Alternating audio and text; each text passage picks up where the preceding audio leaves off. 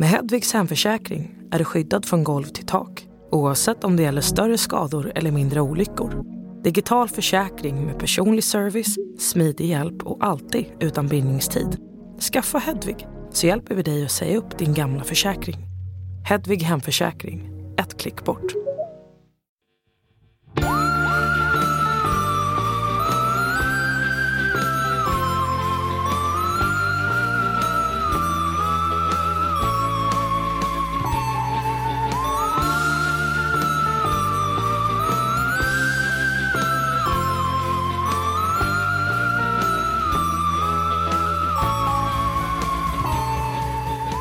Säger vi välkomna till det allra första avsnittet av eh, vad som förhoppningsvis kommer bli en underbar podd som heter Mord mot mord. Den görs av mig, Karin Londré, och dig, Anna Sander. Tanken är att vi, ja, men sagt, vi, vi kommer inte att prata om, men kanske lite grann om typ någon, några så här populärkulturella true crime grejer först. Om det varit några nyheter i mordvärlden. Eh, och sen så kommer vi berätta om varsitt fall för varandra. Men först tänkte jag, alltså minns när du upptäckte att du var intresserad av de här grejerna? Eh, bra fråga. Eh, så här. Tack så mycket. Ganska nöjd själv. Jag var ett väldigt neurotiskt barn. Eller så här, jag är en väldigt neurotisk människa. Eh, Är du det? Nej, kanske du är fan inte det. Vill, gud, Mvh vill vara neurotisk. Nej, men så här, jag hade en period eh, eh, i samband med mina föräldrars skilsmässa. Ah, Åh gud, vi gick verkligen Ah, direkt på värvet. Nej, men så här. När jag var typ fem så skildes mina föräldrar. Ja. Då började jag få massa tvångstankar. Ja. Ehm, det var liksom massa sjuka grejer som jag tänkte på. Då började jag tänka på döden och det enda sättet jag trodde man kunde dö på var genom mord. Oj jävlar Och det var länge. Ja, alltså det var verkligen, och liksom jag kommer ihåg sådär, jag är typ på landet gick och gömde pappas verktyg. Typ, För du tänkte att någon skulle... någon skulle komma och mörda oss. Och jag kommer ihåg typ vi var så här hos min mammas väninna. Och hon bodde på något torp någonstans. Och jag kunde inte gå och lägga mig. Jag satt som en hök bredvid min mamma för att jag är helt säker på att den här uh, Gunilla som hon hette, eller heter, eh, skulle mörda mamma. Nej, men, Nej, men det var vad hade Gunilla gjort? Ingenting! Hon var typ en fantastisk kvinna. Är det? Så vänta, sa du till Gunilla att du trodde Eller liksom Nej det sa sa du jag inte. din Men mamma? jag, jag sa till mamma sen när vi gick och la oss. För då skulle jag också sova i hennes säng. Ja. Du vet sådär. Jag var extremt eh, orolig och typ eh, rädd. Sa du då så här, jag tror att Jag Gunilla kommer mörda dig? Ja. Och det blev ju liksom så här. Det blev Lite ju... konstigt, eller? Ja men liksom, det var ingen som tog det där på allvar. Såklart för det var helt bisarrt. Men typ för mig var det typ det mest, liksom så här. Det var det mest riktiga jag kunde känna. Så det, det var väl typ då, eh, jag vet inte var det kom ifrån. För jag kan, jag har, som, din fråga var när jag läste om ett mord som fascinerade Men det var egentligen bara den grejen? Det bara Ja. kom över mig att så, Så här, starkt. Liksom att folk blev mördade, att det var det enda. Sen har jag haft liksom en väldigt stark eh, liksom fascination för mord. Typ Mm. gillar att läsa så mycket detaljer. Typ sånt som man egentligen kanske inte mår så bra av Nej, att läsa. Men typ jag kan inte låta bli och bara typ förkovra mig i det. Alltså jag, en stickspår Ja. Mm. på det som du berättade nyss om att du trodde att Gunilla skulle eh, mörda din mamma. Första resan min pappa gjorde med min mammas släkt Mm. eh, så var mina kusiner eh, Kinna och Jenny med. Mm. Och eh, det var innan vi föddes liksom. Det var, måste varit typ såhär, precis när mamma och pappa hade blivit ihop. Mm. Eh, då reste vi hela släkten som vi gjorde ganska ofta när jag var liten. Fast som sagt jag var inte med då. Så du, du, låg i, du var i the womb. Nej, jag, ja, Inte ens det? Nej, inte ens det. Jag var en glimt i min pappas öga. ja, det är så fint att säga. Fan förlåt. Men jag är ledsen. Åh. Okej, släpp. I alla fall. Eh, jo, och då anklagade mina kusiner, mina småkusiner, de var små, små barn. Hela resan, en hel vecka. Jag vet, Gran Canaria kanske? Vad vet jag? Who knows? Who knows man. Ehm, hela veckan så anklagade de min eh, pappa för att ha mördat deras kompis Elisabeth. Man är så här, tänk att ja, men du ska åka med din pojkväns föräldrar och släkt på resa första gången. Och så blir Och man så är det barn mördare. som hela veckan vägrar prata med dig för att de ser att du har mördat deras kompis Elisabeth. Är inte det helt stört? Jo men det är ju jag som är Kinna och Ja. Jenny. Alltså please. Du är verkligen det. Eh, nej men jag tror att det finns något sånt där. eh, det måste ju vara typ att man snappar upp någonting som så här, det, det måste vara något så sjukt undermedvetet och sen så blir det Jag vet inte. Ja, det är helt bisarrt. Men... Eh... Men och sen tänker jag också typ att alltså, anledningen till att man så fortsätter prata om det och fortsätter varför man typ konsumerar den här skiten är ju typ att man är så här.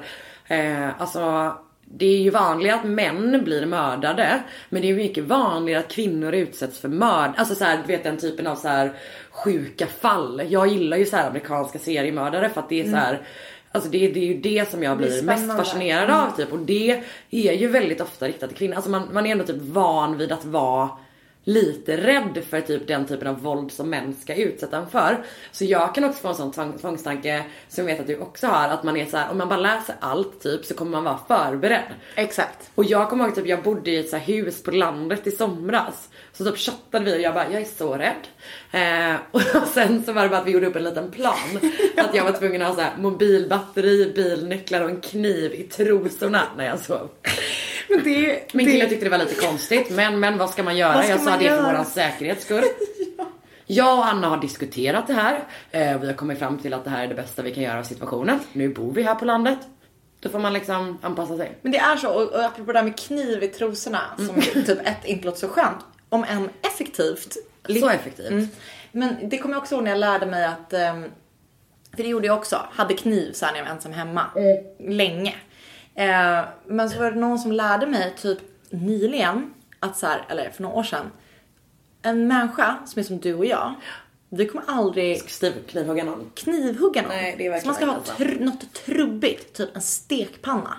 För det är lättare, nej men du vet, ja men något hårt. Jag gillar I Sverige har vi ju inte baseballträn på samma sätt. Men typ en stekpanna, en gjutjärnspanna i sängen, det kommer du drämma till. Alltså tråkigt när du drar med dig någon hem från krogen och så bara har du en gjutjärnspanna. Ursäkta, den måste verkligen ligga Vet du vad de borde göra? Affärsidé. Former, nej, future kickstarter projekt. Mm. Eh, om du tänker dig typ såhär jobbarbyxor med väldigt många fickor. Yep. Motsvarighet till trosor. Så man kan ha alla sina grejer. Men gud, när du har dina savannbrallor på. Nej men jag har ju dem i sängen, det är ju sovtrosor. Ja, ja, ja. Som att man inte, som att man För det är också det, man riskerar så jävla, det är så lite jävla risk att man ska råka ut för någonting i sitt eget hem. Men jag har ju en sån försvarsspray hemma i mitt sovrum. Mm som jag ställt där vid den ena säng eller vid den ena fönster liksom kanten mm. så att jag ska veta exakt vad den är. Men vet du vad? Vet du vad jag tänkte på? Om jag börjar spraya den skiten eh, inne i mitt sovrum. Mitt sovrum är pyttelitet. Mm. Det enda som kommer hända är att jag liksom gasar mig själv. Av dig och mördaren. Ja, fast mördaren är i alla fall där ute. Han kan gå ut i, han kan gå till badrummet. Jag vet. Jag kommer bara vara Du kommer bara vara gasad av din egna spray. Men ja, också en annan så jävla förnedrande. Väldigt irrationell tanke jag hade när jag var liten. Mm. Var att som mördare behöver man ju inte vara rädd för man är ju själv den som sätter skräck i folk. Fast jag, ja. Men det, och, och det, nej, det är inte irrationellt nu när jag tänker på det. För så är det. För att de fattar ju typ inte att de kommer åka fast. Fast jag tror att inte just i stunden för då tror jag att det bara handlar om typ att man har makt över situationen liksom. Mm. Vad fan, vad vet man? Ja, vad vet man? Men du, mm. ähm, ska vi, äh, tycker att vi ska börja med våra fall? Ja. Ähm, vill du att jag ska börja? Jag vill absolut att du Är det något mer vi borde säga innan? Um, du fick aldrig berätta vilket mord mm. som fick dig att känna så här, mord är Men ska vi, ska vi ta det i nästa avsnitt? Okay, är det en bra grej? Det är en jättebra grej. Jag väntar verkligen med spänning. Ja, men då är det dags för oss att berätta om de eh, fallen som vi har valt den här veckan. Ja! Så spännande.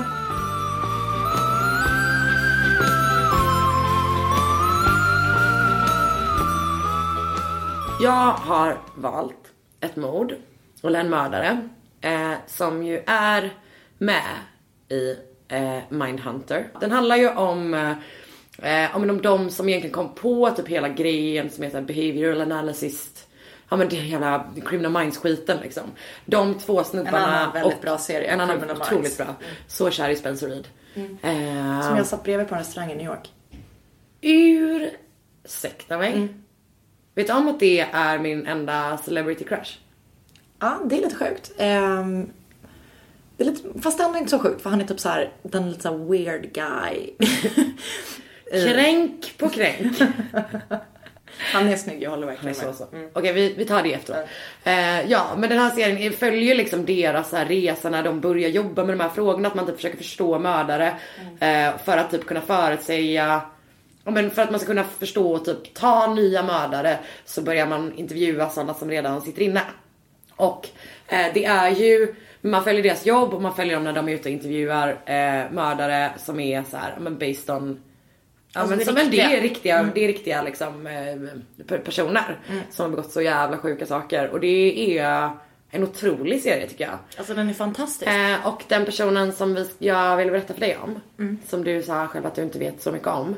Det är ju då förstås Ed Kemper, the co-ed killer. Yay! Han är ju en av de här liksom typ klassiska seriemördarna. Han är den första de intervjuar i Mindhunter. Ehm, det är han den här skitstora snubben. Och han är ju, var ju så stor i verkligheten också. Alltså jag var tvungen att, förlåt, instickare. Jättebra. Jag var tvungen att göra en eh, sån här längdkonvertering när jag läste hur lång han är. Vad? Hur då? är- Vad betyder det? Var att du Jag kollade hur många mjölkpaket det var? Nej. Jag kollade hur, hur långt, för de pratar ju om hur många feet han är. Ja, ja, ja. ja. Och det, jag Mm. vet inte, jag kan inte det. Han är 2,10 lång. Men gud. Nu måste jag slänga all min forskning åt helvete. För jag trodde han var 206. Okej, din konverterare kanske var bättre. Han är runt... Han är ö- skitlång. Han är över 2 meter lång. Han är så fucking jävla lång. Vi kan säga så här, han är över 2,05 lång. Nej, han är över 2, han är minst 206 lång. Ja, han Mm. är över 2,06 lång. Eller, han är 206 eller över lång. Kan vara 2,10. Han kan. Eller mer! Men det skulle vara en sån jävla sjuk grej. Eller, han kan vara hur lång som helst. Vem vet? Vi vet inte, vi har aldrig träffat honom. Eh, Okej, Ja, då kör, ska du, för, apropå det här så kommer vi snabbt komma in på hur otroligt stor han är. För eh, Edmund Kemper the third. Mm, flott. Alltså det känns så himla orimligt att han har ett sånt namn. Ja. För att han inte känns som en det minsta fancy person. Eh, nej. Eh, men han är i alla fall Edmund Kemper the third. Och han föddes 8 december 48. I Burbank, California. Vet du hur mycket han vägde när han föddes? Nej. Där. Kommer jag känna mig kränkt på grund av att jag var en stor bebis? Får se vad du vägde. Nej. Okej, Men snälla du kan inte ha ångest för att du hur jag mycket var vägde du? 56 cm lång och vägde 4,6 kilo. Ja, han vägde 6 kilo. Okej, okej, okej. Det var mycket, mycket. Han, alltså förstår du Oh my God. vilken stor jävla bebis det är? Eh, hans föräldrar då var eh, Edmund Kemper the second. Ah. Eh, och Clarnell Elizabeth Kemper. Clarnell. Bra namn. Typ aldrig hört det innan. Aldrig hört. Nej, Bra namn. Bra. Eh, men eh, hon kommer ju då senare i hans liv bli ett av hans offer, mamman. Mm. Och man kan säga att han var typ inte så förtjust i sin mamma. Mm. Därav att han dödade henne då. Men däremot så gillar han sin pappa väldigt mycket. Eh, men däremot så gillar inte hans pappa hans mamma. Jag fattar. Alltså han är inte så jävla peppad på henne typ och han har varit en så, han har varit krigsveteran. Eh, och eh, han säger, alltså han, Edmund, Ed Kempers pappa, Edmund Kemper. Mm. Vilket krig. Oj gud vänta. Vi räknar. Han lär vara andra världskrigssoldat. Ja, jo exakt, ja det är klart han är. Eh, Det ja. spelar ingen roll heller. Men han är det, ja. ja. Han sa om att leva med Edmund Kempers mamma. Eh, sa han, alltså hans pappa. Suicide missions in wartime and the later atomic bomb testings were nothing compared to living with her. Gud vad hårt. Du vet också typ att jag känner att det är så ibland att leva med mig när jag är typ trött och har PMS. Nej. Är det inte det? Jämför inte med, jämför inte Marcus med honom och dig med Clarnell. Okej tack. Du är ingenting så. Du är fantastisk. Han har... Jag vet, men vi har en stund nu bara. Okej. Moving on. Torka tårarna. Oh. Eh, ja, och när, när han är bara nio år gammal, när Eddie bara är nio år gammal så skiljer sig då hans föräldrar. Och han liksom är ju rasande på sin morsa för det för att hon har typ så drivit hans pappa, eh, pappa ifrån honom. Hans pappa som han är så jävla kåt på. Nej, Nej. han är inte kåt på, han tycker om honom. Det är en vanlig pappa-son relation, vad vet jag. Ja, men och han är, han är ju du vet så här. Det, finns ju de här seriemördare tre grejerna. Som är så här cruelty, ja men att man är dum mot djur, man kissar i sängen och man sysslar med, man är pyroman. Det är ju tre, de här tre liksom klassiska som man uppser typ att nästan alla seriemördare har. Jag har inte hittat någonting om att han eh, kissar i sängen och eldar. Men däremot håller han ju på med lite andra softa grejer. Eh, till exempel så hugger han huvudet av sina systrars Barbie-dockor. Men vem gjorde inte det? Ja, då går vi vidare till nästa grej. Kan vi kolla om du gjorde det här också? Han begraver för familjens katt levande. Ja, det är faktiskt väldigt hemskt. Det var frukt... Jag gillar inte hans katter men det var fan fruktansvärt. Och jag älskar ju katter som du vet. Sen gräver han upp katten. Jag vet inte om den dog emellan. Jag tror typ inte det. Eh, och sen så uh, hugger han huvudet av den. Shit just got dark. Verkligen. Ja, ja eh, det kommer fortsätta så här lång tid nu. Eh, ja, och eh, när han är 13 år gammal, alltså några år senare, då dödar han ännu en av familjens katter. Och då kan man ju typ känna lite grann så här. Sluta skaffa katter. När du hittar den första ja, halshuggen. Kanske inte skaffa en till katt. Men det gör de och han dödar den också. Och han gör det för att hans, han säger att den gillar hans syrra mer än vad den gillar honom. Han bara, ja men Undrar varför? exakt, du mördade dens kompis. Men han har säkert inte varit snäll. Han har säkert dragit så hårstrån av den och sånt. Jag ska inte, det var det, det här är en person som har huggit huvudet av en katt. Han gav den en ofrivillig vaxning också. Det är fan för jävligt. Eh, ja nej, men han har, alltså jag tänker han kanske bevittnade, den sista katten kanske bevittnade det första katten. Ja, det vet vi ingenting om. Vad är det är spekulationer. Ja det är verkligen, verkligen spekulationer. Det är så sant. Tur att du brasklappar den skiten. eh, och ehm, när hans syster, hans syster håller på att typ reta honom för att han säger att hon säger att han är tänd på sin lärare och vill hångla med den. Eh, Som man vill. som han vill, lärare, supersexiga. Då så säger han If I kiss her, I'd have to kill her first. Han är typ så här, mm, 10-12 år gammal. Hjälp! Och så gillar han att leka elektriska stolen. Men det tycker jag ändå, Också- det är inte konstigt. Det är konstigt av den här anledningen. Det verkar vara en jävla tråkig lek. För det enda som händer när han leker det med sina syskon, det är att de ska binda fast honom och sen sitter han och låtsas krampa typ en stund. Okej, men det måste jag säga, det är inte seriemördartendenser.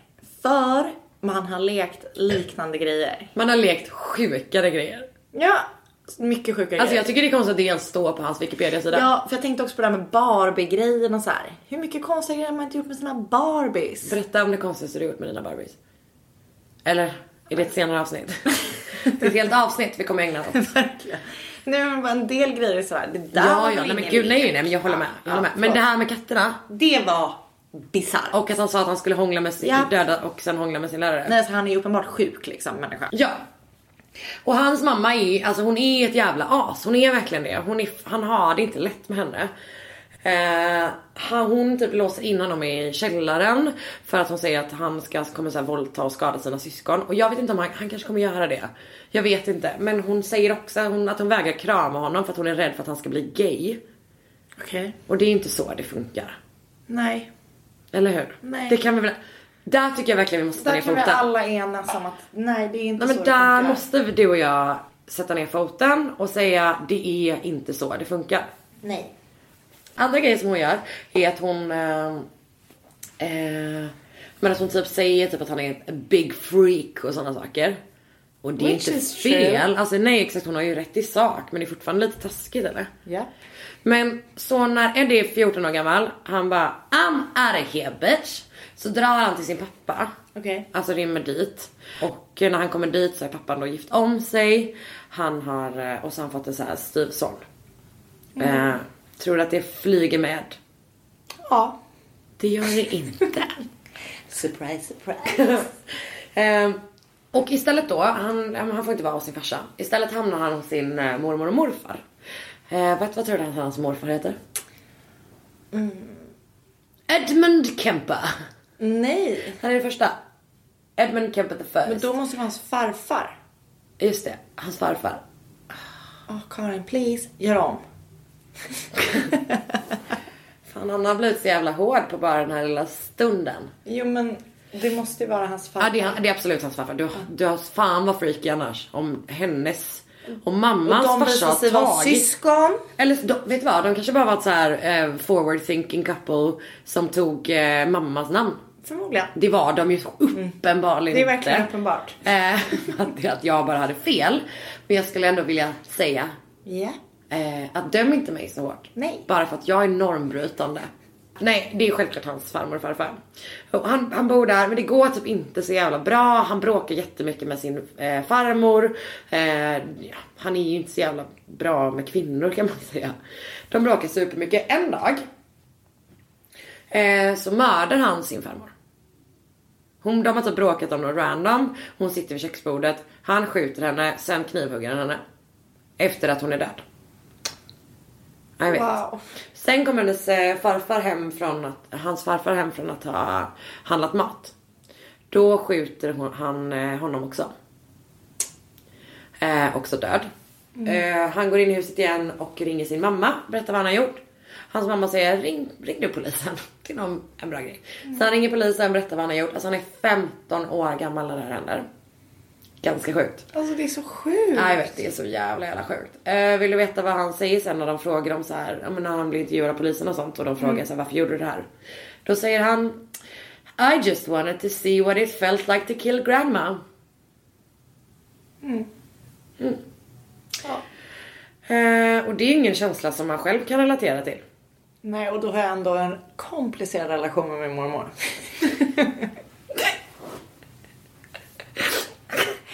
Aldrig känt så. Skön! Med Hedvigs hemförsäkring är du skyddad från golv till tak oavsett om det gäller större skador eller mindre olyckor.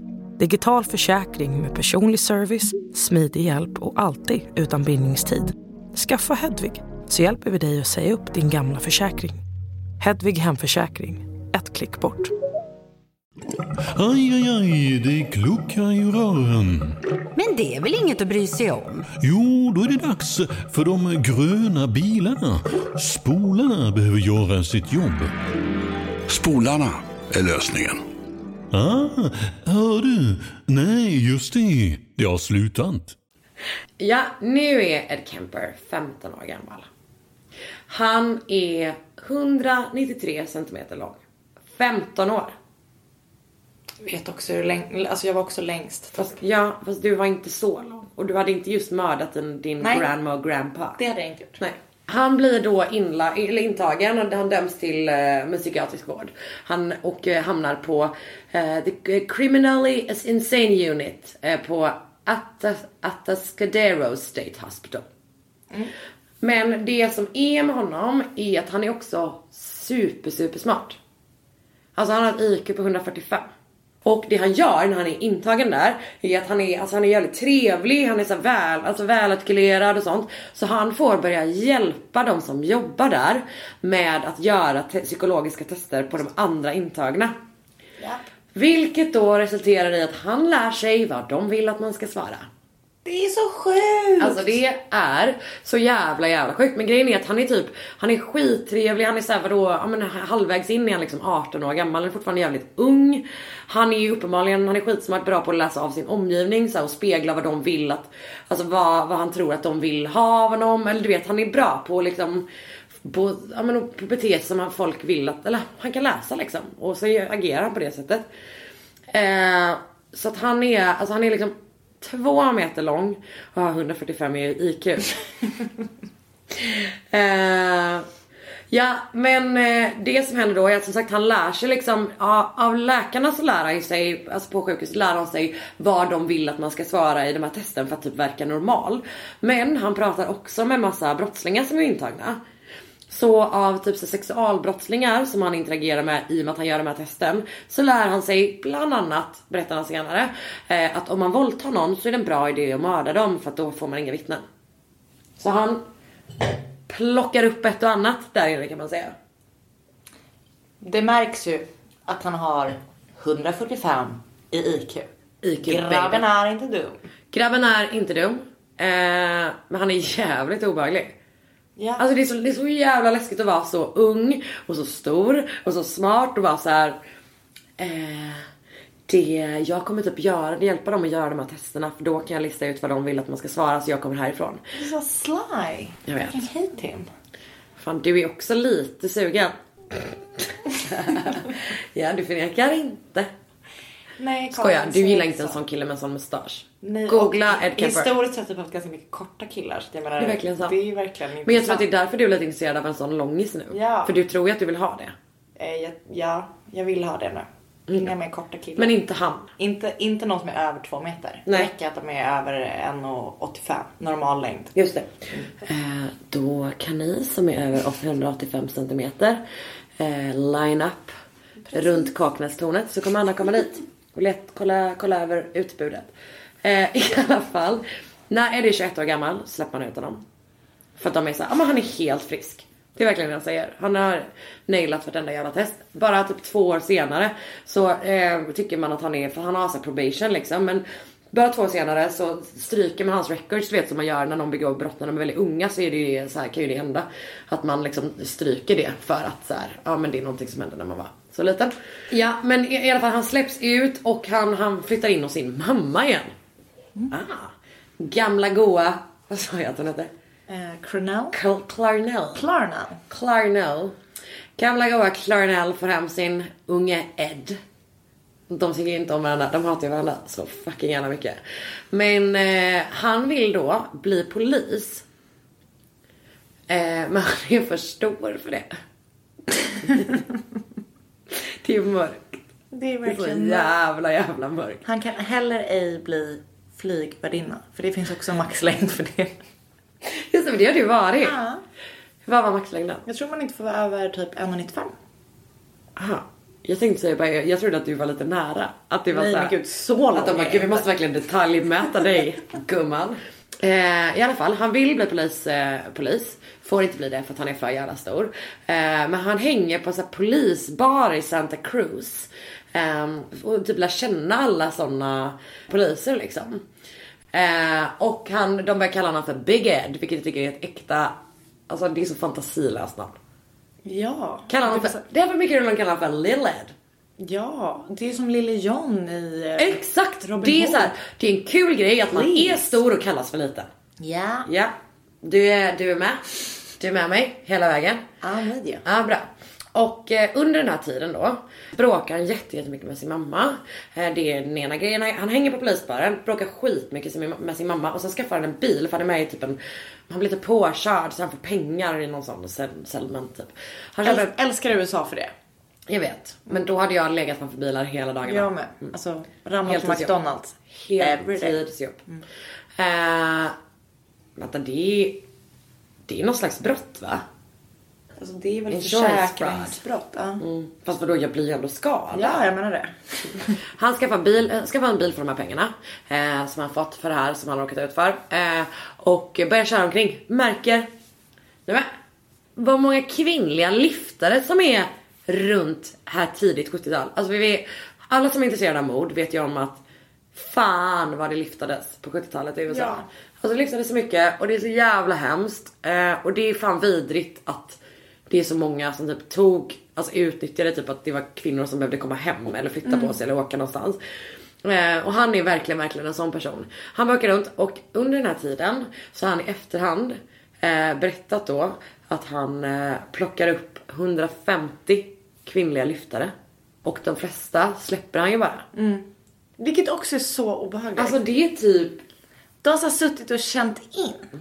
Är det här, är det här hon? Och till en början är det säkert bara att han får typ så här, att han blir kåt av hela maktkänslan. Jag kan åka var jag vill med dig. Det är det. Verkligen så. Verkligen så. Nu är du i mina, så här, i mina händer typ. Eh, men sen så måste det ju liksom gå längre. Och eh, han får ju smeknamnet The Co-Ed Killer för att han mördar eh, men större delen av hans offer är liksom studenter. Och det är vid den här tiden då som han eh, men helt enkelt eh, börjar mörda. Och det första mordet begås eh, 72. 8 maj, 7 maj förlåt, 72. Eh, och det sjuka med det tycker jag är att han börjar med två stycken. Alltså hans första brott är två. Alltså dubbelmord. Ja, är inte det så jävla stört? Det får mig typ att tänka att han begått något fler men samtidigt så är han en sån jävla talker sen när han åker fast så att jag tror inte att det är Men det känns som att det är så jävla grovt att vara så här att börja med två samtidigt. Alltså ja. För det är ju en sån escalation grej liksom. Men det gör han. Han börjar med två stycken. Eh, Marianne eh, Pesci kanske och Anita Lucchesa eh, lyfter med honom. Och eh, han typ säger att han så här efterhand säger han att han framförallt vill våldta folk men han har ju lärt sig att man ska mörda dem liksom. Så han så här, eh, alltså han tar dem en i taget liksom och våldtar och mördar dem typ. Och jag vet typ, jag tycker att det här är jättesvårt för att jag vill av typ respekt mot så här, offer så tycker jag inte att man behöver gå in i för jävla vidriga detaljer. Nej. Förstår du vad jag menar? Eh, men alltså han våldtar och mördar folk. Han har typ en i bagageluckan liksom och sen så, eh, så eh, tar han fram dem en efter en. Och han är ju, utöver att han är mördare så är han ju nekrofil. Eh, och eh, han är styckar kroppar. Och eh, jag har också typ, jag har också lärt mig ett nytt ord när jag gjort Ah, min research på det här. Eh, och det är då, fellatio är ju en avsugning, eller hur? Men det här är eromatio. Vilket om jag förstått rätt bara egentligen är ett fint ord för att citat munknulla någon. Okej. Alltså att man trycker på själv om du Jag förstår. fattar, jag fattar. Det är inte ett, eh, en avsugning. Nej utan det är inte, om du säger så, det är inte ens huvud som rör sig. Utan det är mer en penis. Ah, Ursäkta mig att jag sa penis. Men också, Jag menar förstås ett manligt säg vad det könsorgan. heter igen. Eromatio. Ero- Eromatio. Eromatio. Alltså Ja, jag, man, jag vet tror ju, man vet ju vad det betyder. Gud, jag ska gå rätt hem. Eromatio me baby. Skoja. Din kille är inte hemma förrän imorgon. eh, ja, men det är, alltså det, det är så jävla stört på att det finns ett så här. Jag har aldrig hört. Gud vad Nej, vet, inte jag heller. Vad är det svenska ordet? Nej men fellatio måste... Jo men det måste hur säger man det? Vänta. Det finns ju en svensk term för det. Avsugning. Det är fellatio eller? Fellatio, ja men då är det här eromatio. Det finns ju en anledning till att det inte har slagit så stort och det är för att det är Eh. skitsvårt att säga. Men också för att det är våldtäkt. Det behöver det ju absolut inte vara. Svenska ordet för fellatio Ja. är fellatio. Ja, så då är svenska ordet för... Irrimatio. Ja. Ja, går vi tillbaka. Ja. Förlåt.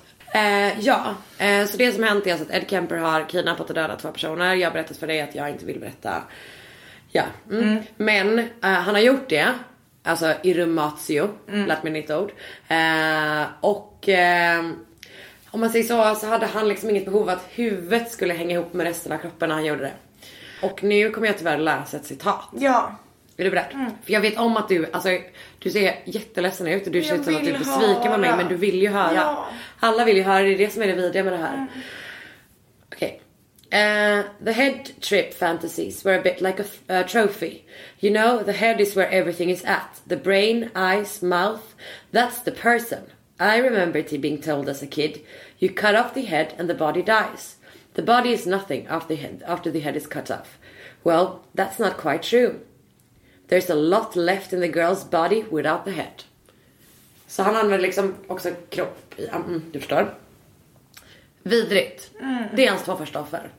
Hans nästa offer, eh, 15-åriga Aiko Ko. 15. 15 år gammal, har varit på så dance practice. Missar sista bussen hem, ska lyfta. Han fuckar med henne så jävla mycket att hon, han blir utelåst i bilen. Och hon släpper in honom igen.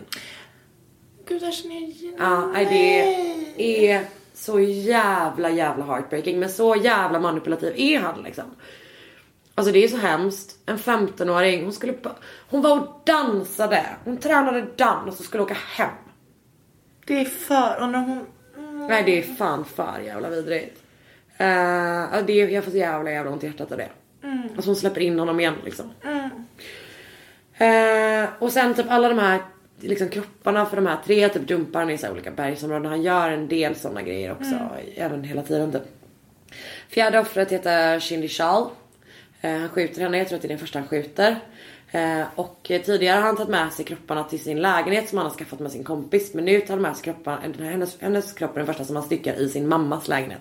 Eller sin mammas hus. Eh, och han begraver sen hennes huvud. med, och det här pratade man om i Mindhunter, för han begraver hennes huvud utanför sin mammas fönster med ansiktet upp mot det. För att hon gillade när folk såg upp till henne. Åh gud. Lite så fokus på morsan ändå. Sen tar han återigen två stycken samtidigt. Det är Rosalind Thorpe och Alison Liu. Båda två blir skjutna. Eh, den gången typ han dem i sin jävla bil. Vilket får mig att fundera på hur fan den såg ut när de fick tag på Eh, den. ja. Eh, och sen bär han liksom halshuggna kroppar in till sin mammas hus. Också det, hur fan kan ingen se någonting liksom? Är inte det så jävla jävla starkt? Jo, men jag tänker så på natten och liksom tänk typ, han, hans mamma bodde säkert någon så här villaförort typ. Alla ligger och sover klockan 3.30. Mm. Ja och typ att det är den här mannequin grejen att folk alltid tror att alla Ja. kroppar är en uh, skyltdocka typ. Men det, sen är det liksom dags för hans final då.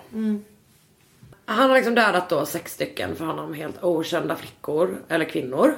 Ehm, men det är ju ganska uppenbart att det ändå handlar om hans morsa typ. Ehm, och eh, han är ju, han hatar ju Clarnell som nu heter Strandberg. Clarnell Strandberg. Hon är inte med en svensk antar jag. Jag skulle precis säga det, måste ju vara en svensk. Men man vet ingenting om, eh, om något. eh, Gud, att man är så svennig, att man bara spännande Men med en svensk person. det kanske är din pappa. USA! Det var din pappa. Jajamän. Eh, men så en kväll när han kommer hem så ligger hon och läser på sin säng. Eh, och det, vet, det är typ inte ens att hon säger något så här asfittigt. Men hon är typ, jag, jag inser att Alltså hon är ju hon är jävligt abusive. De har verkligen haft så stora slagsmål. Han berättat att de hade ett jättestort slag- bråk om att han, om han, om han skulle get his teeth clean eller inte. Men gud, var han vuxen? Och jag undrar också, vem var på vilken sida? Vad fan hände? Jag vet inte, det, det är det enda. Jag No mommy, I'm 32 years old. I will not get my teeth Eller tvärtom. Yes mommy, I'm 32 year, two years old. I wanna get my teeth clean, damn it. När han sa darn it. de är från Kalifornien, jag vet inte varför de pratar så, men de gör det. Ehm, ja, nej, men allt hon säger typ är så här, han kommer hem och hon ligger på sin säng och läser. Och så säger, han så här, säger hon så här. I suppose you're going to want to sit up all night and talk now. Alltså, Men jag tänker också typ att det skulle vara varenda mammas dröm. Alltså jag vet typ min mamma hon hade så här. Ringer jag för ofta? Jag vill bara prata med dig. inte det alla mammors dröm att man så här, kommer in och bara Hej mamma kan vi prata hela natten? ja. Kanske inte om man har typ en son Det är verkligen, verkligen så. att det, det kanske är det där och inte typ att hon låste in honom i källaren. Du vet allt Anna var såhär, vill inte krama honom för att han skulle bli gay. Det är det där som vittnar om vilken jävla pissig morsa Alltså var. det är helt sjukt för att man tänker att det borde ju vara det mest fantastiska. Eller? Ja, ja, ja Har gud. Ja. Nej, du har, snälla. Du har aldrig fel Anna. Tack. Det vill, alltså, det vill jag verkligen att alla ska veta. Ja. Anna Sandell, inte fel en enda gång i sitt liv. Yeah! Eh, ja men han, för han lackar ju ur på det här. De, de har en sån jävla märklig relation. Men jag har lackat ing- också. Ja men för ja, men Din mamma frågade om du kunde sitta... Eller om hon inte ville prata med dig. Ja. ja okej, för jag tycker annars att det är så här. Jag tycker båda två är ganska... Alltså att, hans reaktion är inte så rimlig och hon är inte heller särskilt rimlig men det är ändå typ så här. Ja, vill du sitta upp hela natten och prata nu? Ja, det var kanske lite fittigt sagt morsan. Men det var inte så här. Men alltså det är ju inte, det är ju inte något man dödar för. Nej, och det gör ju han. Ja. Han hämtar, hon väntar tills hon har gått och lagt sig, hämtar en hammare, hämtar en kniv, bashar her head in och eh, halshugger henne. Och sen vet vi ju vad Ed Kemper gillar att göra med kroppar. Och det betyder tyvärr inte så mycket. Eller han är inte så himla rädd för incest. Eh, eller han väljer liksom nekrofili över incesten då. Eh, Så han eh, ligger ju med sin eh, mammas lik. Alltså han är liksom han är ju på riktigt en motherfucker. Slår du upp en... Nej, du slår aldrig upp motherfucker i en ordbok. Jag bara kollar. I alla fall så är det en bild på Ed Kemper där. Ehm, nej, eh, utan han kör sig liksom på med sin vanliga ritual med sin mamma. Vilket är, alltså det är så... Allt med det här är vidrigt och jag är ledsen för att jag berättar det här för dig. Nej. Men det, ja, han kör på. Eh, han, eh, jag håller på med sin mamma. Hennes huvud, inte fast vid kroppen. Eh, försöker ju då eh, stoppa ner hennes vocal cords. Ja, jag vet. Eh, I the garbage disposal. Eh, för att han ska shut her up typ. Vad heter garbage disposal på svenska? Finns det? Avfallskvarn. Då var det det. I alla fall. Jag vill inte upprepa den för vidriga meningen. Men avfallskvarn. Men det räcker, liksom, räcker inte för honom för att hämnas på sin morsa. Han går ut, tar några bärs, gömmer sin mamma i garderoben. Eh, och sen så eh, kommer han hem igen och då ringer han sin mammas bästa kompis. Och är så här, fan. Hallå där! Ska inte du och jag lära känna varandra Sally Hallett? Eh, kom över på middag. Hennes mammas bästa kompis som är typ så här 59 år gammal kvinna liksom. Kommer över. Han gör samma sak mot henne. Nej. Nu är han uppe i åtta då. Eller hur? Tio om man räknar hans, eh, ja tio om man räknar hans mor och Ja, sina Ja. föräldrar också. Eh, han dödar henne, tillbringar natten med henne, stora air quotes. Verkligen. Mm. Och eh, sen så skriver han typ en jävligt töntig lapp till polisen. En status flyr på. Facebook. Men alltså, verkligen typ så. Vill du ska jag läsa vad han Ja, skrev? jättegärna. Han skrev en lapp som går så här. Eh, approximately 5.15 am Saturday. No need for her to suffer anymore at the hands of this horrible murderous butcher. And he was quick, asleep, the way I wanted it. Not sloppy and incomplete, gents. Just a lack of time. I got things, I got things to do. Eh, så då drar han, han kör, han bara nu drar jag! Och då har han kört eh, genom typ ett antal, eh, han kör så här genom ett antal amerikanska delstater och hamnar i Colorado. Det är bara då att då inser han att det är ingen som är hemma hos mig och inser att min mamma är död. Eh, det är ingen som kommer och jagar honom typ. Han hör ingenting på nyheterna, det är liksom ingenting. Så då eh, går han in i en telefonkiosk och ringer polisen. Bara hallå där, jag har dödat min mamma och hennes bästis. De ligger i garderoben typ. Polisen bara kul, lägger på. Ringer upp igen. Kommer du ihåg att han känner lite poliser? Då ber han typ om att få prata med en så kontakt. Och sen erkänner han hela fucking skiten. Eh, Kalifornien, alltså polisen åker från då eh, Kalifornien eh, för att hämta upp honom och då är han liksom i den här eh, telefonkiosken. Och det här, anledningen till att jag tror att du känner igen vissa grejer är för att de har pratat om det här på My Favorite Murder. Eh, för att eh, han är så jävla jävla stor att när polisen väl kommer och säger till honom att så här, sträcka upp sina händer. Han är så lång att han lägger liksom bara händerna ovanpå eh, telefonkiosken. Gud, vad sjukt. Alltså förstår du hur stor han är då? Alltså han är ju Hagrid. Han är, ja! Han är ju, han är ju verkligen typ den eh, men amerikanska mordhistoriens Ha- Hagrid. Ja det är han. Gud. Hagrid är snäll va? Ja, han är snäll. Vadå, läs, läser inte du Harry Potter? Nej gud nej. Var det vi töntigt läsa Harry Potter eller? Min teori är så här. Att jag tror att eh, eh, folk som är födda 89 och framåt var jämngamla med Harry Potter. Gud, du är ett Ja, år men jag, min uppfattning är verkligen, verkligen att jag har gjort skillnad. Ja, kanske. Mm. Lovisa är... Jag, mina två bästisar är 88 de läser det, de älskar det. Det, men de är kompisar med yngre tjejer. Det är du också, Just det. Missy. Därmed. Ja, förlåt. Ja, eh, men i alla fall de griper honom där då och sen, och det här är så fucking jävla vidrigt. De kör ju då hela vägen från Colorado till California och jag vet ingenting om geografi i allmänhet. Framförallt inte om amerikansk sådan. Alltså jag, jag vet inte vad medelpad är liksom. Så heter det inte, medelpad. Du vet inte ens vad det heter. Men jag vet, jag kan Nej, jag inte. Ja. Men jag tror att det här är en ganska lång drive ändå. Alltså jag tror att det är en halvlång drive. Men vad betyder det? Tre, två timmar? Ja, typ.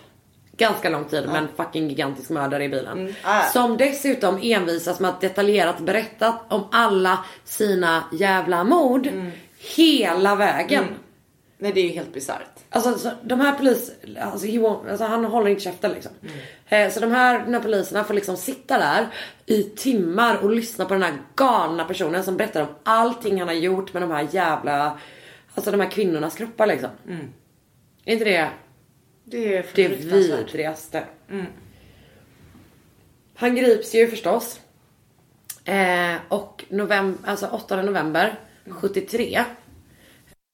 Så, eh, och han släpps 69 tror jag. Så det är liksom inte så lång tid. Eh, bara Alltså från, från Juvie släpps han 69. Ja, han var, var ju på ett eh, mentalsjukhus var han ju. Han släpps 69. 18 december 69 släpps han. Fyra år senare november, 8 november 73 har han mördat åtta, åtta kvinnor Men liksom. han är ju ung då. Ja. Usch. Han släpptes på sin 21 födelsedag. Så han är typ bra. 24-25. Ja. Jävla sjukt. Eller ja. ja mm. Ja men det är sjukt att, eller så här, Det känns för ungt. ja eller hur? Man Mörda senare i livet för guds skull. Men vänta tills du ska gå i pension. Men det finns andra grejer man kan uppleva innan. Ja. Han har ju aldrig typ så här backpackat.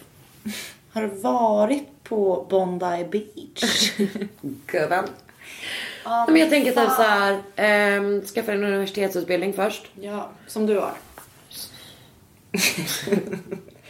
Jo men jag planerar inte att mörda någon annan.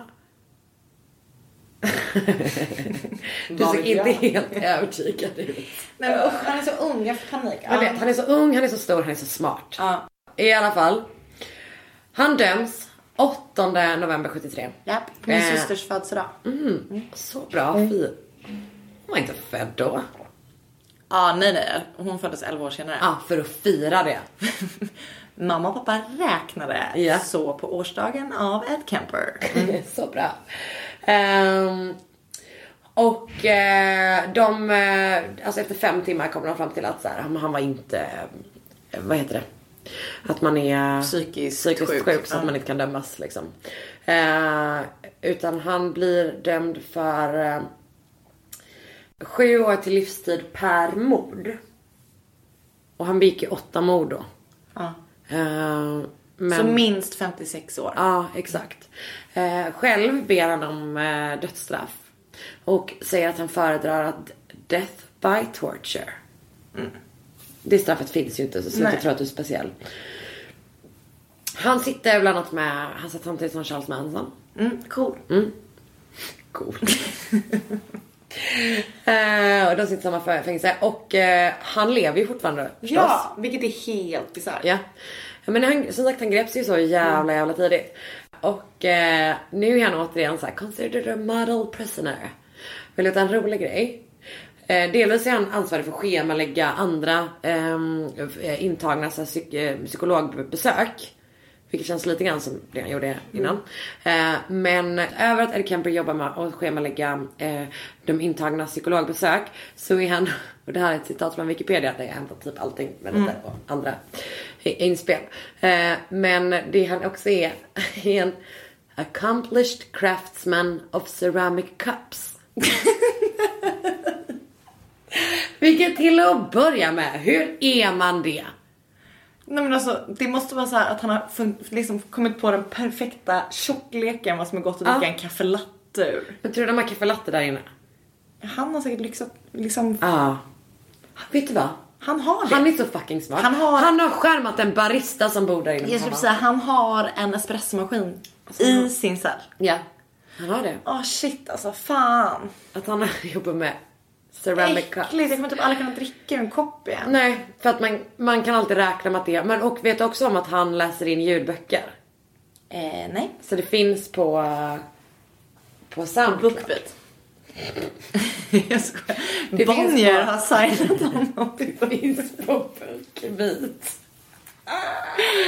Vill du höra, vill du höra hans röst? Alltså blandade känslor. Men ja. Goodbye, Daddy.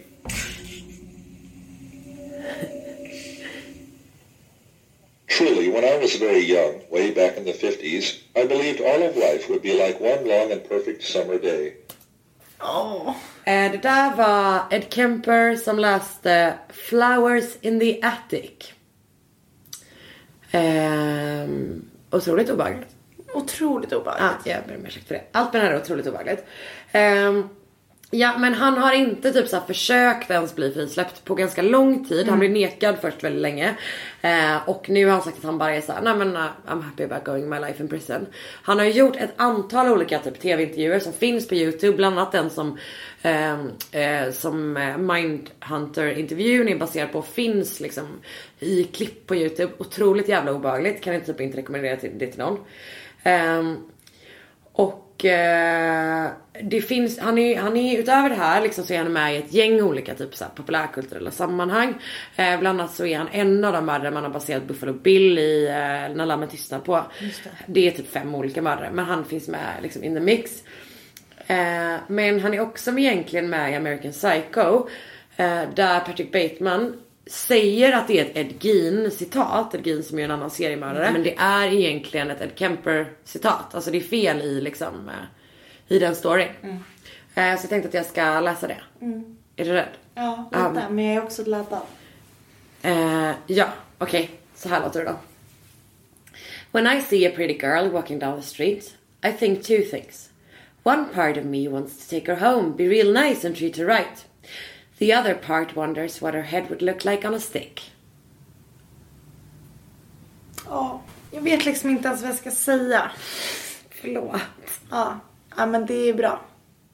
Ja, och det där var då Ed Kemper, the motherfucking cold killer.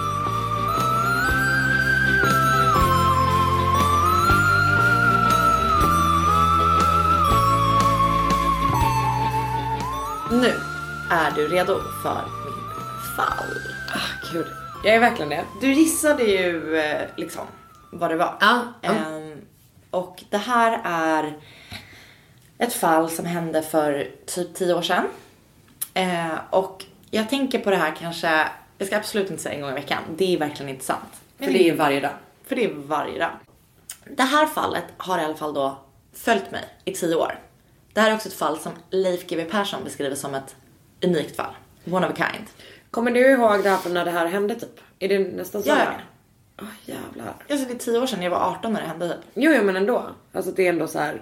Jag följde det jättemycket. Alltså jag följde så här dagligdags. Jag jobbade i en reception på en reklambyrå. Och hade typ inget jobb. Eller du vet, jag jobbade ingenting typ. Nej. Så varenda dag så följde jag liksom alla uppdateringar. Ja. Mm. Så, så det är verkligen, jag följde det så nära när det hände. Det som känns läskigt nu är att jag är lika gammal typ som hon mm, var. då. Mm. Det här är alltså Caroline Stenvall mordet. För det finns ju en superbra Peter-dokumentär om det, eller hur? Den är fantastisk. Hur många den... gånger har du lyssnat på den den här veckan? Tre gånger. Oj! Låt mig börja. Caroline Stenvall, 29 år gammal. Mm. Typ som vi. Som du. Typ som, exakt som Exakt jag. som du. Eh, bor i Piteå ska åka på arbetsintervju på ishotellet i Jukkasjärvi. Det är också så himla starkt att det är dit hon ska. Mm. Ja precis för att alla har någon relation. Jag har inte ens man, varit där. Jag har en stark vad det. Ja. Hon, hon ska åka dit på arbetsintervju och är typ supertaggad på det för att hennes pojkvän jobbar inte på ishotellet men liksom jag tror att det är i Jukkasjärvi det ligger. Mm, det kan vara Kiruna. Hon är superglad för det. Hon är en härlig person och hon har typ, jo, hon har inte varit scout. Det hittar jag på. Hon har typ varit scout. Hon är så van... Det är den bästa beskrivningen av en person som jag någonsin... Alltså, för det finns ingenting som beskriver en person så, som en så härlig person som att hon hade typ kunnat vara scout men hon var inte scout. För scouter är jobbiga, men man gillar ändå... Men hon kan, hon, har liksom, hon, kan, hon kan naturen, hon är ute mycket och så här. Mm. Hennes syrra berättar att hon har så cyklat genom Sverige, de hon hittar, liksom, hon har koll på naturen. Hon är liksom en, hon är en naturmänniska hon beskrivs som en snäll person, hon svär aldrig. Hennes syrra säger i Petra-dokumentären så här, jag har aldrig hört henne svära. När hon såg masjävlar på, eh, på bio så hade hon svårt att säga den titeln. Men det är det sjukaste jag någonsin har hört. Ja, hon åker glad i hågen på en arbetsintervju. Mot en arbetsintervju. Eh, det som är sad, det här är liksom, hon skulle, hennes syrra skulle följt med. Får inte ta på barnvakt. Hon åker därför själv på den här arbetsintervjun. Men är liksom peppad glad. Hon åker mot ishotellet. Men dyker aldrig upp. Och hon... Jag har en fråga, förlåt. Ja. Åker hon kvällen innan? Hon eller åker samma dag tror jag. Okej, okay, för det är typ kanske på eftermiddagen och så. Jag tror hon åker samma dag. Hon dyker i alla fall aldrig upp. Jag, jag för mig att jag läst någonstans att hon åker typ 10, ska vara på intervju 1, dyker inte upp. Och liksom folk fattar inte, hon är en pålitlig person, var är hon? Ganska snabbt börjar man liksom så här undra, var är hon? Ingen vet. Så börjar det liksom komma sök och sånt där. Polisen hittar ganska snabbt hennes bil på rastplats Stenbron. Och då så här, i den här P3-intervjun eller dokumentären, i P3 Dokumentären så intervjuar de en journalist som är en av de första som kommer dit. För ganska snabbt så blir det så här, det här måste väl vara någon dag efter något sånt där. Men ganska snabbt så blir det så här, var är hon? Det blir liksom ett pådrag. Eh, och då så har polisen satt en lapp på rutan där det står så här, hej Caroline vi letar efter dig. Ehm, typ, ring oss. Och i sätet ligger så här en Coca-Cola flaska och ehm, en chipspåse. Så hon säger så här, det ser ut som att någon har gått ut och kissat. Typ. Dagar går och ingen vet var hon är. Men jag antar att de bryter sig in i hennes bil ganska snabbt. För det här vet jag ju, för att de hittar hennes mobiltelefon. Ja.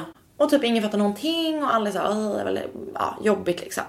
Dagen efter Caroline har försvunnit så ska ett pensionärspar ut och fiska.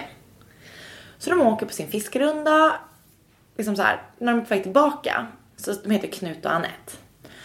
Eh, på vägen tillbaka så säger Annette så här, akta där på vägen. De väjer undan, går ut och tittar och då är det en blodfläck i marken. Som är typ 40 cent, liksom. Den är så här, en halv meter. En stor En blodfläck. stor blodfläck. Och som han Knut beskriver det, två järnhalvor. Sen rättar han sig själv och säger så här, järnsubstans på, på vägen. Åh, nej. Så de bara, ah, vad är det här? Liksom börjar så här, vad kan det vara? Är det tjuvjakt? Kan det ha varit ett vilddjur? Just det. De fattar ingenting. För det är ändå så här Det jaktområden. är jaktområde och det här är typ i september. Ja, så att det är så så det precis varit jaktpremiär och liksom så här, folk håller på. Det är älgjakt liksom som är på gång. Åker hem. Knut och Anette ser på text-tv. Ja. Eh, vilket är cute att det är text-tv. Att Caroline har försvunnit. Så går de och lägger sig och det här är någonting jag verkligen kan relatera till. Att de, de kan inte sova sen. ligger och tänker på de det. ligger och tänker. Kan det här, här vara, liksom kan det här ha varit hmm. Så är så här gnager, gnager, gnager och så bestämmer sig så här, vi, vi ringer in det här till polisen imorgon bitti. Så de ringer in till polisen och paus på Knut och Anette. Ja. I Knut och Anette pausade. Det här pausas jättelänge, eller det pausas inte. Det här följs inte upp av polisen. Deras tips. Deras tips. På flera veckor. Men Av någon anledning, någon får ett tips på någonting och så leder det här till någonting. Så det här följs till slut upp. Men det är typ tre veckor senare. oj. Och då har Knut och Anette också varit tillbaka på filmplatsen och sett att så här, allt är borta. Så de typ, ah, det kanske ätits upp av djur, du vet sånt där händer. Ja. Men polisen bestämmer sig i alla fall för att följa upp det här. Och åker till den här rastplatsen. Där de hittade, inte rastplatsen, förlåt. Nej. Jo, den här platsen heter 58. Där de har varit. Rastplats 58. Mm. Polisen åker till Knut och Anettes fyndplats. När de kommer dit så finns det ingenting där. Alltså det är tre veckor senare. Det är inget blod, det är inga järnhalvor, det är ingenting. Men de börjar ändå typ undersöka den här platsen. Under sanden som ligger på vägen så hittar de en benbit, en benflisa, alltså benfragment och eh, människoblod. De hittar också 16 hylsor, alltså vapenhylsor från tre olika vapen. De hittar en, en svart gummihandske och sönderklippta byxor. Allt det här i det här området Ja, liksom. liksom nära den här Ja. ja. fyndplatsen. Och ett par sönderklippta byxor som är dränkta i diesel. Det här är det så här, Knut och Anette har inte, de har bara sett det här blodet och järn. Nej det var inte att de var ute och letade efter nya jeansshorts. Eh, Anette kanske. Anette kanske rockar denim. Så att, och då har de med sig en amazing hund. Ah, älskar en god hund. Den här spårhunden får Ja. upp vittring. Vet du vad den heter? Nej. Kan vi kalla den för någonting? Jag tycker vi kallar den för Molly. Det är för att din hund heter det och jag går med på det. Mm. Som bor i Gällivare. Molly från Gällivare. Hon hittar, hon får vittring och leder polisen till en plats i närheten. En så kallad bäckravin. Vilket jag inte riktigt vet vad det är. Men det låter spännande. Där hittar Molly en eh, bilmatta. Som är täckt i människoblod. Som är samma blod som hittats på fyndplatsen. Lilla hjärtat. Lilla Molly. Molly är en fucking kämpe då. Okej men då, eh, man vet bara att det är människoblod i första skedet liksom. Det är det enda man vet. Den här, det är en polis. Ehm, han får i uppgift att ta reda på vad är det här för bilmatta. Den visar sig tillhöra en Audi Avant. Vet du vad? Det finns få saker jag gillar så mycket när de gör saker som grejer med bilar. Att det är bilmattor eller däck eller typ någon fucking färgflagga. Allt sånt. Det är typ mitt bästa. Det är fascinerande. Ja, det är så jävla bra. Den här bilmattan tillhör en Audi Avant som är gjord någon gång mellan 92 och 97. The golden spot. Jag tror att han heter Kent, den här polisen. Nu gör han det. Nu heter han det. Ta- Han får i uppgift att ta reda på hur många Audi Avant finns i området. Så han upptäcker att i det stora området jag skrivit, jag tror att det är Norrbotten, Ja, i Norrbotten. så finns det 2500 bilar av den här modellen. Och i Gällivare, som är det liksom mindre området, finns det 83 stycken. Och han säger i den här P3-dokumentären så här, det kändes som en omöjlig uppgift. Och då typ att jag bara, men gud, 83. du, du skickade 100 mejl idag Karin. Och så här, Jag 83 gjorde det. bilar. Ja. Det är inte någon Nej, jag skickade 100 mejl i ett svep. Jag skickade fler mejl över huset över hela dagen. Exakt. 83 bilar. Finns i Gällivare. Det handlar om en person som är död, Kent. Exakt. Jag Ta med dig Molly och gå ut och knacka dörr. Ja, jag skulle, jag skulle säga polisen upplever det här som omöjligt att kolla upp. Känns lite slappt, borde gå ganska fort. Men det är verkligen... Men det är också roligt för att det är också du som typ, att det känns som att det är bara du som är lösningsorienterad. Att du skulle aldrig tolerera om någon så här, om du stöter på någon som bara, "Eh, den här uppgiften känns ganska krävande. Du bara, ursäkta mig, det där låter det." ganska slappt.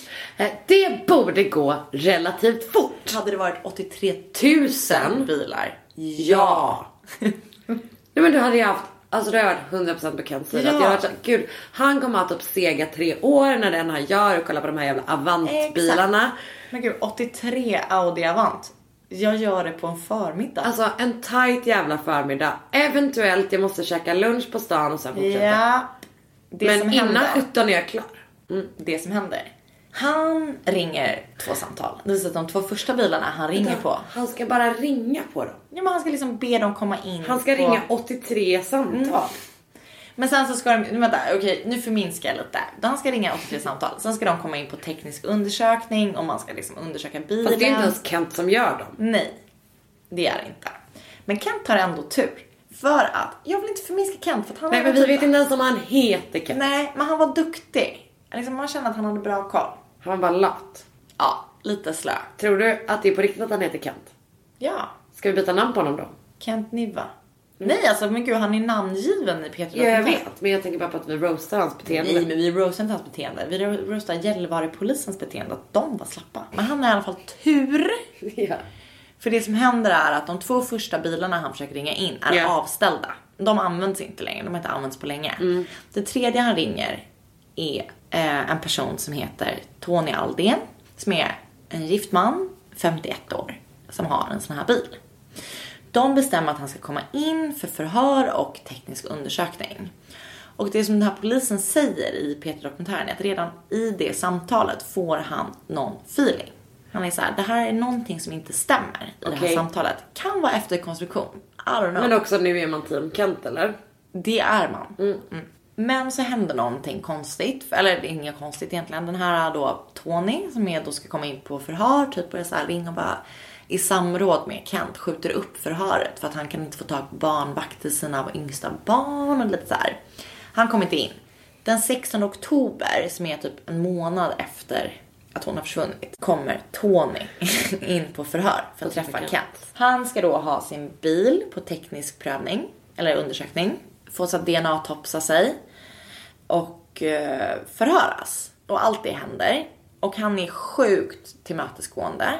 Lämnar DNA-prov, berättar jättemycket i förhören. Är så här, ah, han berättar om vad han har gjort när Caroline försvann. Det datumet, då var han på jakt med sitt jaktlag. Bla bla bla bla bla. Det han berättar liksom. Han är super liksom så här tillmötesgående. I förhöret kommer det fram att han har byggt om sitt bagageutrymme i bilen. Och i det så han så här, ja men eh, jag har byggt om bagageutrymmet och eh, för han hade haft någon oljeläcka i bilen. Så att jag har byggt om det. Men jag har kvar gamla bilmattan i min stuga i Mentivaara. Som han, det är någon liksom landställe till honom.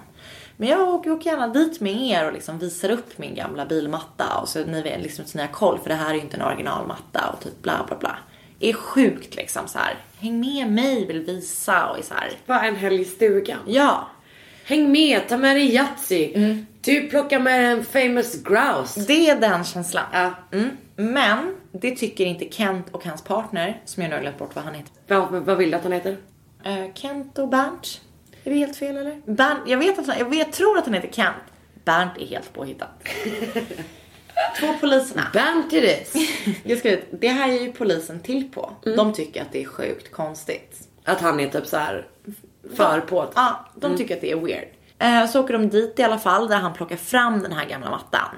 Och då visar det sig att det här är ju inte en originalmatta. Inte den heller. Nej. Det här är ju suspekt. Ja. Alltså så sjukt Att suspekt. han säger så här, det här är originalmattan. Det är inte originalmattan. Nej. Och det som är då som de här poliserna säger typ i den här Petri dokumentären som är fantastisk är så här att de tycker allting där ute i Mäntivara är konstigt. De liksom fattar ingenting. Men det är bara de tre, de har åkt dit i bil tillsammans, de kan inte prata om någonting. Så de så här guidas runt av honom där. Och han är så här, här är min matta. Ja, och de liksom så måste hänga på det som att han är en helt vanlig människa. Mm. Men de känner hela tiden att det är någonting som inte stämmer. Meanwhile, på den tekniska undersökningen, bak, tillbaka på polishuset i Gällivare. Eller vad det mm. Precis, av bilen. Så hittar de både djurblod, Jägare. exakt. Men också människohår, ett långt människohår och människoblod. Så då bestämmer man sig för att anhålla honom. När de har hittat det här. Det kanske inte är meanwhile, men det är under den Ja, ja. tekniska undersökningen. Så den här Tony, som är då pappa till tre personer, gift, alltså helt vanlig människa. Lugn, liksom han beskrivs som en så här lugn, trevlig, snäll familjefar. Anhålls.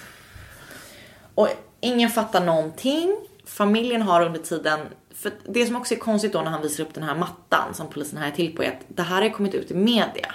Att man liksom hittat den här bilmattan, att man letar efter någon. Så att polisen fattar ju typ att han har så här byggt upp, eller försökt bygga upp ett försvar. Mm. Och ja, typ han, du vet om man får höra att, poli- eller att familjen har skämtat om så här, är det din matta Tony? Typ så här, du har ju hållit på, du vet att han har varit så här super, ja. Men ingen fattar någonting. För han är liksom en helt vanlig person. Typ. Alltså det är inte typ att det är någon som bara ja, ja det var ju i och för sig den gången han spöade upp sin fru totalt liksom. Nej, det Utan säger också är- GV också så här. En sån här person borde ju i alla fall ha spöat sin fru. Han har inte ens gjort det. Nej men förstår du? Nej, Ja, men ja. Så här, han Nej, har aldrig alltså visat att- något. Det Att- som han nej, har men exakt, visat. det är den grejen som är typ så här att man bara någonstans visar den typen Mm. av person sin ilska. Det han tydligen hade gjort precis innan det här var att han, på no, de, hans jaktlag testar sina vapen och Ja. vet så här. Just. Då hade han gått fram till typ, då har de ju så här eh, skottavlor. tavlor. Så här, då hade han gått fram till en vall och bara pepprat in Ja, ett helt magasin i det.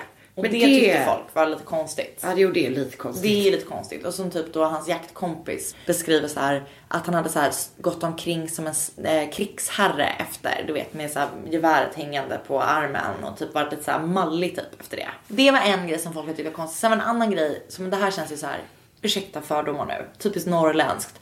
Att de bara, ah, han kunde ju gå från att vara så här trevlig till att vara så här superdjup typ. Att de tyckte det var jobbigt att han kunde så här helt plötsligt börja tänka på livet typ i ett samtal.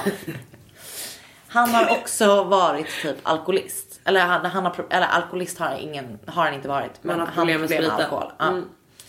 Så det Gud, är de gillar man inte verkligen uttrycket problem med spriten? Ja, men det är så liksom, det är så vad? nära. Om jag någon gång går in i väggen, då vill jag verkligen att du inte säger att jag gått in i väggen, utan jag vill verkligen att du säger att jag har fått problem med spriten. Även om du inte har det. Ja. Okej. You got it. För att det är så här. Absolut. Jag tror att det, det är den delen av min personlighet som inte heller vill prata stockholmska. Att du vill hellre ha problem med spriten än gå in i väggen? Ja. Ja, jag fattar. Mm. Bra. Om jag någon gång får problem med spriten kan du säga att jag har gått in i väggen. You got it. Okej, good. ja, ingen fattar någonting, men han har blivit häktad. Han säger att dagen då Carolina försvunnit har han varit på älgjakt. Eller det säger han inte bara, det har han varit. Det han påstår är att han har avbrutit jakten för att han har fallit i en bäck och blivit blöt upp till armhålen. I en bäck. Vad är det för sjuk jävla bäck? Ja men det kan typ hända. Jag har sett det. Jag, en kompis med mig gick igenom ett kärr på en jakt och gick ner hit. Har du sett det? Ja. Har du varit med? Ja, det var läskigt när det hände. Jag trodde typ hon skulle drunkna, men hon kom upp. Eh, Hon är med oss fortfarande. Exakt. Välkommen in! Exakt. Nej, men han säger att han har blivit blöt. Men det liksom känns inte rätt. Nej. För att som någon säger då så här, det är typ inte så blött i bäcken då liksom. Och så här, han kan inte ha blivit så blöt. Men han säger att det är därför han har avbrutit. Men ingenting han berättar i förhöret, alltså så här, med tider och detaljer känns som att det stämmer. Så att alla bara så här, vad är det här för fel? Och sen så då är det förhör. Då drar polisen fram sitt trumfkort som Tony inte vet att de vet om. Nämligen att det är blod i, I bilen. som tillhör Caroline. Han häktas då för människomord. Så det är Ja, han häktas då för mord. Eh, när det här har hänt försöker den här fjanten ta sitt liv i cellen med ett rakblad. Det lyckas inte. It's up the road, not across the street. Exakt. Ja, precis. Säg inte det som tips, please. Säg Det är across the road, not up the street. Okej, efter Bra, det nice så vill han berätta vad som har hänt. Han bestämmer sig för att come clean. Så han berättar. Det här är hans första story i första förhöret. Han har avbrutit för att han blivit blöt. Han åker till Stenbron där Carolines bil hittar, hittades. han åker till Stenbron för att slänga sopor, säger han, efter jakten. Han ska börja sopsortera plötsligt. Japp. Då skriker Caroline, enligt honom. Hur kör du gubbjävel? Den här personen som inte kunde säga masjävlar. Japp, hon säger så. Enligt Tony Aldén så puttar han henne. Och när han vänder sig om så ser han att hon ligger mellan hans släp och hans bil typ med blod i munnen. Då får han panik. Då är hans lösning på det här att lägga in henne i bakluckan på sin egna bil och köra därifrån. Sen säger han att han kör planlöst i flera timmar. Hon är helt död. Hon gör, har inte gjort ett ljud från sig i hans baklucka. Så kör han till 58ans rastplats. Och där, när han kommer fram dit, så säger han för att han vill vara human mot henne och försäkra sig om att hon redan är död, så slår han henne i huvudet med en hammare. Och det är den platsen som Knut och Agneta... Ja. Ag- Agneta? Anette. Anette. Hittar henne. Mm. Eller ja, Hittar hittar... här fyndplatsen liksom. Så det säger han. Så jävla humant. Nej, men han säger att hon redan är död. Så att för att liksom vara helt hundra så klubbar han henne med, men gud vad hemskt. Så slår han henne med en hammare i huvudet. Ja, för det blir bättre när du slutar säga klubba. Ja men det lät som, det lät som en klubbad säl. Det kändes inte Gud, verkligen. vad har du emot sälar? Nej men det är det jag menar. Och han påstår sig inte veta var kroppen finns. Han säger att han vaknar dagen efter och har en tom whiskyflaska med sig eller bredvid sig och du vet, kommer inte ihåg. Han börjar försöka åka och leta efter hennes kropp och du vet så här. Han minns ingenting säger han. Efter ett tag så säger han, ja ah, hon finns på Storberget som är någon plats där. Så polisen åker dit, men där finns hon inte. Sen efter ett tag så börjar polisen så här. Eh, Tony har ju en son som är 25 år gammal. Kan det vara så att Tony Aldén täcker upp för sin son? Så de tar in sonen på förhör och förhör honom och han kan inte uppge något alibi och du vet det blir en hel grej kring det. Och Tony tror inte på att de har tagit in sonen. Det är mycket liksom, mycket, mycket kring det. Eh, de får prata med varandra. Bara för att Tony vill liksom få det bekräftat. Såhär. Att han förhörs Ja. Efter det så erkänner Tony. Så sen så här, kan jag få en karta och en penna så kan jag rita ut var hon finns. Så då markerar han var hon finns. Efter några turer bryter han ihop i alla fall. Och det är vad som GV säger, min guru, min guru GV. Det här är liksom bara en tidsfråga innan en mördare av den här liksom, typen bryter ihop. Eh, så han målar ut platsen på en karta, polisen åker dit, de hittar henne ganska fort, de vet vad som väntar, hon har varit borta i typ fyra veckor. Liksom, de hittar någonting som jag typ inte vill tänka på. Nej. Men då i rättsläkarundersökningen så visar det sig att ehm, det är inte så. Det har inte gått till så som Tony har beskrivit det. Ett, så har han blivit skjuten två gånger. Oj. Det kanske han har sagt att han har skjutit henne en gång, jag kommer inte ihåg nu i alla Kanske typ då att han skulle lösa en vårdaskottgrej. Exakt. Han har skjutit henne två gånger. En gång i ryggen, en gång i baksidan av huvudet. Avrättnings... Men först så säger han att det är så här, ja men det är precis som du säger så här för att liksom vara Ja, schysst, typ. Och hon har blivit skjuten två gånger. Och eh, blivit bränd från kroppen, eller från kroppen. Men han har försökt elda upp kroppen. Ja, men bara från underlivet och neråt. Ah, nej. Mm. Åh nej. Jag kommer inte ihåg det här. Jo, och det är visar sig att hon har fått trubbigt våld mot hals och huvud. Så det är liksom, it doesn't add up att han har puttat henne. Utan Utan han har typ. Det Det, är låter liksom- ju ganska mycket som att han har typ våldtagit henne liksom. ja, så det blir ju Och försöker dölja det. mm, en grej. Jag kollapsade nu. Mm. Kommer du ihåg Eh. när jag trodde att det här skulle bli en trevlig fredagkväll? Japp. Nej, Sen kom jag på att det var det här vi höll på med. Mm. Det visar sig då att det inte stämmer och typ så här, det är ju som du säger, det är ju total avrättning. För det visar sig då att han är så här. Det som framkommer då är att man tror att han har skjutit henne först i ryggen när hon typ liksom antingen står på knä eller står, skjutit henne i ryggen. Så har hon krupit fram, för det visar också att hon lever när hon blir skjuten. Krupit några meter fram och då har han skjutit henne 45 graders vinkel ovanifrån. Så hemskt. Jag vet att du, du och jag har helt olika approacher på det här. Nu berättar jag helt. Ja men gud jag kör. Ehm, och allting tyder då på att det är inte den här olyck- olyckshändelsen som har hänt. Det här brännet på liksom brännskadorna, bara nedre delen, är ju verkligen så här. Man hittar ingen bevis på att han har våldtagit henne. Man hittar ingen men- bevis för att han inte har gjort det heller. För Nej. att det är så brand, brandsörjat där nere. Där nere. Eh, jag menar inte så, men ja, på underkroppen. Han är nere på kroppen. Ja, han hävdar då att han har lidit av eh, potensproblem. Så att våldtäkt är liksom out of the question. Man bara ja, för det finns så jävla få mördare som lider av potensproblem. Nej det gör det inte, det finns jättemånga. Mm. Så det är liksom mycket saker som inte stämmer i någonting.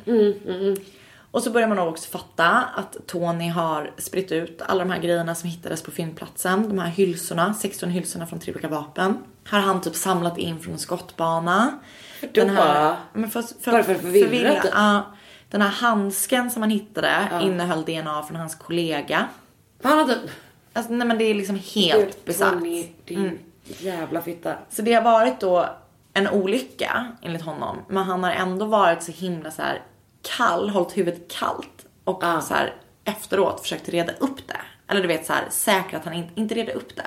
Säkra att han inte åker dit. Nej men reda upp det för sin egen skull. Exakt. Alltså och försöka typ eliminera bevis och sånt. liksom. Exakt. Och det som händer är ju då såklart att så här, ha- han, det går upp till rättegång, han döms till livstidsfängelse. Men han erkänner aldrig hur det egentligen... Han erkänner att, Att det han har hänt, Ja, ja. han erkänner att det har hänt, att han har puttat henne. Men inte att han har skjutit henne. Jo, men han erkänner att han har puttat henne och att han har skjutit henne efter att hon var död. Så han tycker, det han och hans åklagare Ja. eh, liksom yrkar på är att han ska åka dit för vållande för annans död. Inte åklagare, hans försvarare. Ja. Eh, Först han en försvarare och sen så byter han när han blir eh, dömd i tingsrätt. Ja. Till nästa så tar han Leif Siberski. Ja, såklart. Och som Leif GW säger att bara så här, det är lika med att säga att man är skyldig. Alltså, det är Så typ verkligen- så här, verkligen sant. Eh, men det de säger är så här.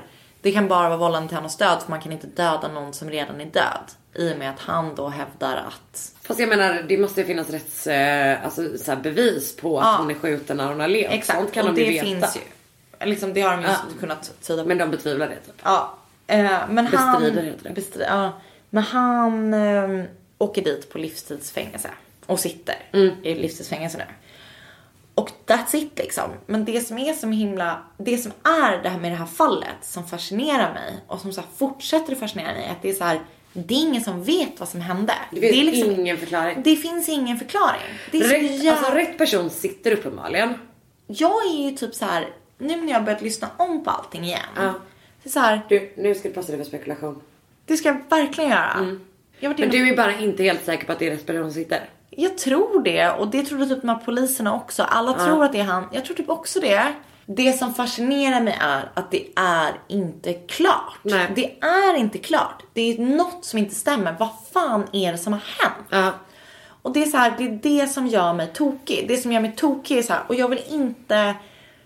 Det som gör mig tokig är att det är så här, två helt vanliga människor som också får göra helt vanliga saker. Hon ska på arbetsintervju. Han är på jakt. Han ska, du vet, I don't know his stil. Det är det som är, det är han som är oklar såklart. Ja, Men det är han är inte så jävla, han är inte Ed Kemper. Nej, jag menar det. Han är en helt vanlig människa. Han har aldrig uppvisat någonting. Nej. Det är ju någonting som hade Men det är det som är så sjukt, alltså är det bara att en människa typ snaps? Ja. Alltså att det bara är så helt plö- ja du. Men för det som, Ah, det det som, är så jävla obehagligt. men för det som GV och någon annan, ja men han är min Jag gud. vet, Ja. men jag tycker bara det är så mysigt att du älskar så mycket. eh, det de säger är så här att antagligen, han, eftersom han har problem med alkohol Ja. så har, har han antagligen kört berusad. Och hon har typ kommenterat det Ja. och då har han lackat. Han tål inte liksom att bli tillrättavisad Nej, av, en ung tjej. Och så har han då typ slagit henne och hon har typ blivit medvetslös och han är packad, typ kan inte ringa polisen för då kommer han åka fast för rattfylleri och så har det eskalerat. Ja. Det är det som skrämmer mig, hur hjärnan, liksom, en van, han är ju någonstans ändå från första början. Vanlig. En vanlig person. Ja, ja, ja. Och hur det liksom sen trappas upp då så här. Det ena leder till det andra. Ja. Det är det och som plötsligt och skrämmer snabbt mig. och sen så är det bara ja. Exakt. Nej men jag tror typ att det är anledningen till att jag tycker att det är mycket, eller det är därför jag typ konsumerar mycket mer typ den typen av mord som vi pratade om innan. Mm. För att de är mycket mer så här. Det är så långt ifrån vardag. Ja. Mm. Alltså jag tror att det är lättare för mig att hantera det. det grejen med det här mordet är typ så här, det hade kunnat vara, alltså nu ser jag verkligen inte att inte Ed Kempers offer var vem som helst. Men typ allting annat runt omkring med honom är så extrema Mm. Ja. att du vet det är så här, ja, men allt det är så extremt. Medans det här är verkligen två helt vanliga människor. Mm. I, I det andra fallet så var det en extrem människa som mötte helt vanliga människor. Och ingen som, alltså så här, det är liksom, de gjorde ingenting för att förtjäna det förstås liksom. Alltså offermässigt. Utan det är mest sett till mördare. Men det är mycket lätt, jag tycker ändå på något sätt att det är lättare att förhålla sig till Ed Kemper. Ja, gud, ja. Än vad det är att förhålla sig till Karin Stenvalls mördare. Och jag tror att det är det där man är rädd för som kvinna. Exakt. Och det som jag tänker är så här. Igen så vill jag verkligen inte så här försvara honom på något vis. Men Nej, det nej. som händer är typ att så här. Som du och jag är. Vi är här lösningsorienterade människor. När någonting händer så är man så här. Vad fan gör jag nu? Det är tråkigt att man identifierar sig mer med honom än han som inte pallar ringa 86, 86 samtal. Nej men, men det är såhär, gud ja, det låter helt bisarrt. Nej men alltså. Förstår du jag menar? Att jag, ja. jag, här, jag, han måste ha varit så här. vad fan gör jag nu? ja. Och i hans då packade, lite sjuka hjärna så han så här, typ, jag förlåt. lägger in henne här. Men också alltså så här.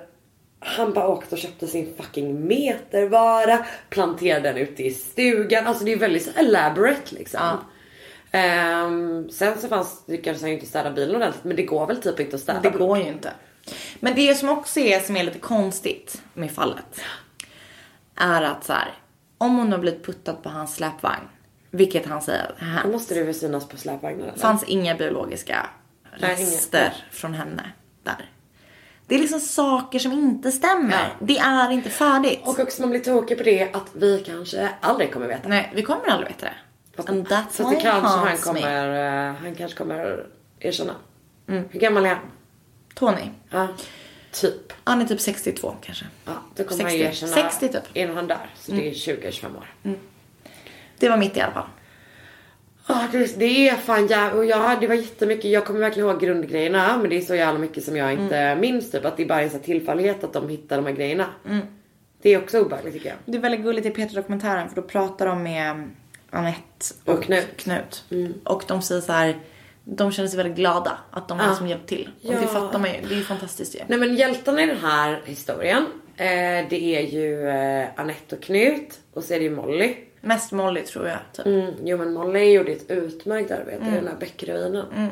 Det var Och även Kent. Jo men han hade sin När han väl började ringa så var det okej. Han hade tur. Ja han ringde tre samtal. Men det var, det Det var, var bra. Ja. Det var jättebra. Eh, men det är väldigt, ja det är en otroligt sorglig historia. Men jag vill skicka med typ dig att njuta av den här fantastiska Peter-dokumentären. Igen. Gud verkligen, verkligen trodde att du skulle säga. Jag vill verkligen att du ska passa på att njuta av ditt liv Karin. Man vet aldrig när Innan det du går på slutar. spriten. Njut. Njut. in i vägg. Men om jag funderar på om det här, alltså nu, vi pratade om det här lite grann innan vi började spela in. Att typ det kanske kommer vara lite mer sån här fördelning i den här podden. Alltså att jag kanske kommer köra lite mer såna klassiska seriemördarfall och du kommer göra lite mer av det här. Sen kommer du göra annat också. Men jag tror att du har en mer förkärlek till de här grejerna och jag har mer till det andra. Ja. Så jag tror att det kommer bli en ganska bra kombination typ. Absolut. Ehm, Det här var alltså det första avsnittet som vi någonsin har spelat in av vår underbara podd Mord mot mord. Vi hoppas, eller vi kommer vara tillbaka jättesnart igen, Mm. tänker vi oss. Eh, och så vill vi säga puss puss och tack till Camilla Fogelborg som Ja. kommer klippa och eh, redaktöra detta och kommer förhoppningsvis om det här låter okej, det du precis har lyssnat på, så är det för att Camilla klippte. Ja. Alltså så jävla mycket hon klippte. För det här Wow. var a bunch of dravel. Men eh, tack så jättemycket, vi hörs snart igen. Puss puss!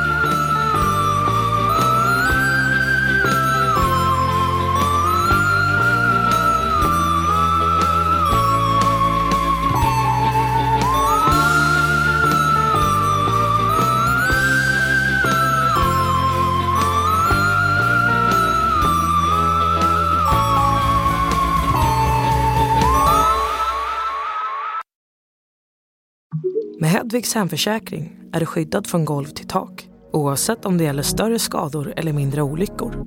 Digital försäkring med personlig service, smidig hjälp och alltid utan bindningstid.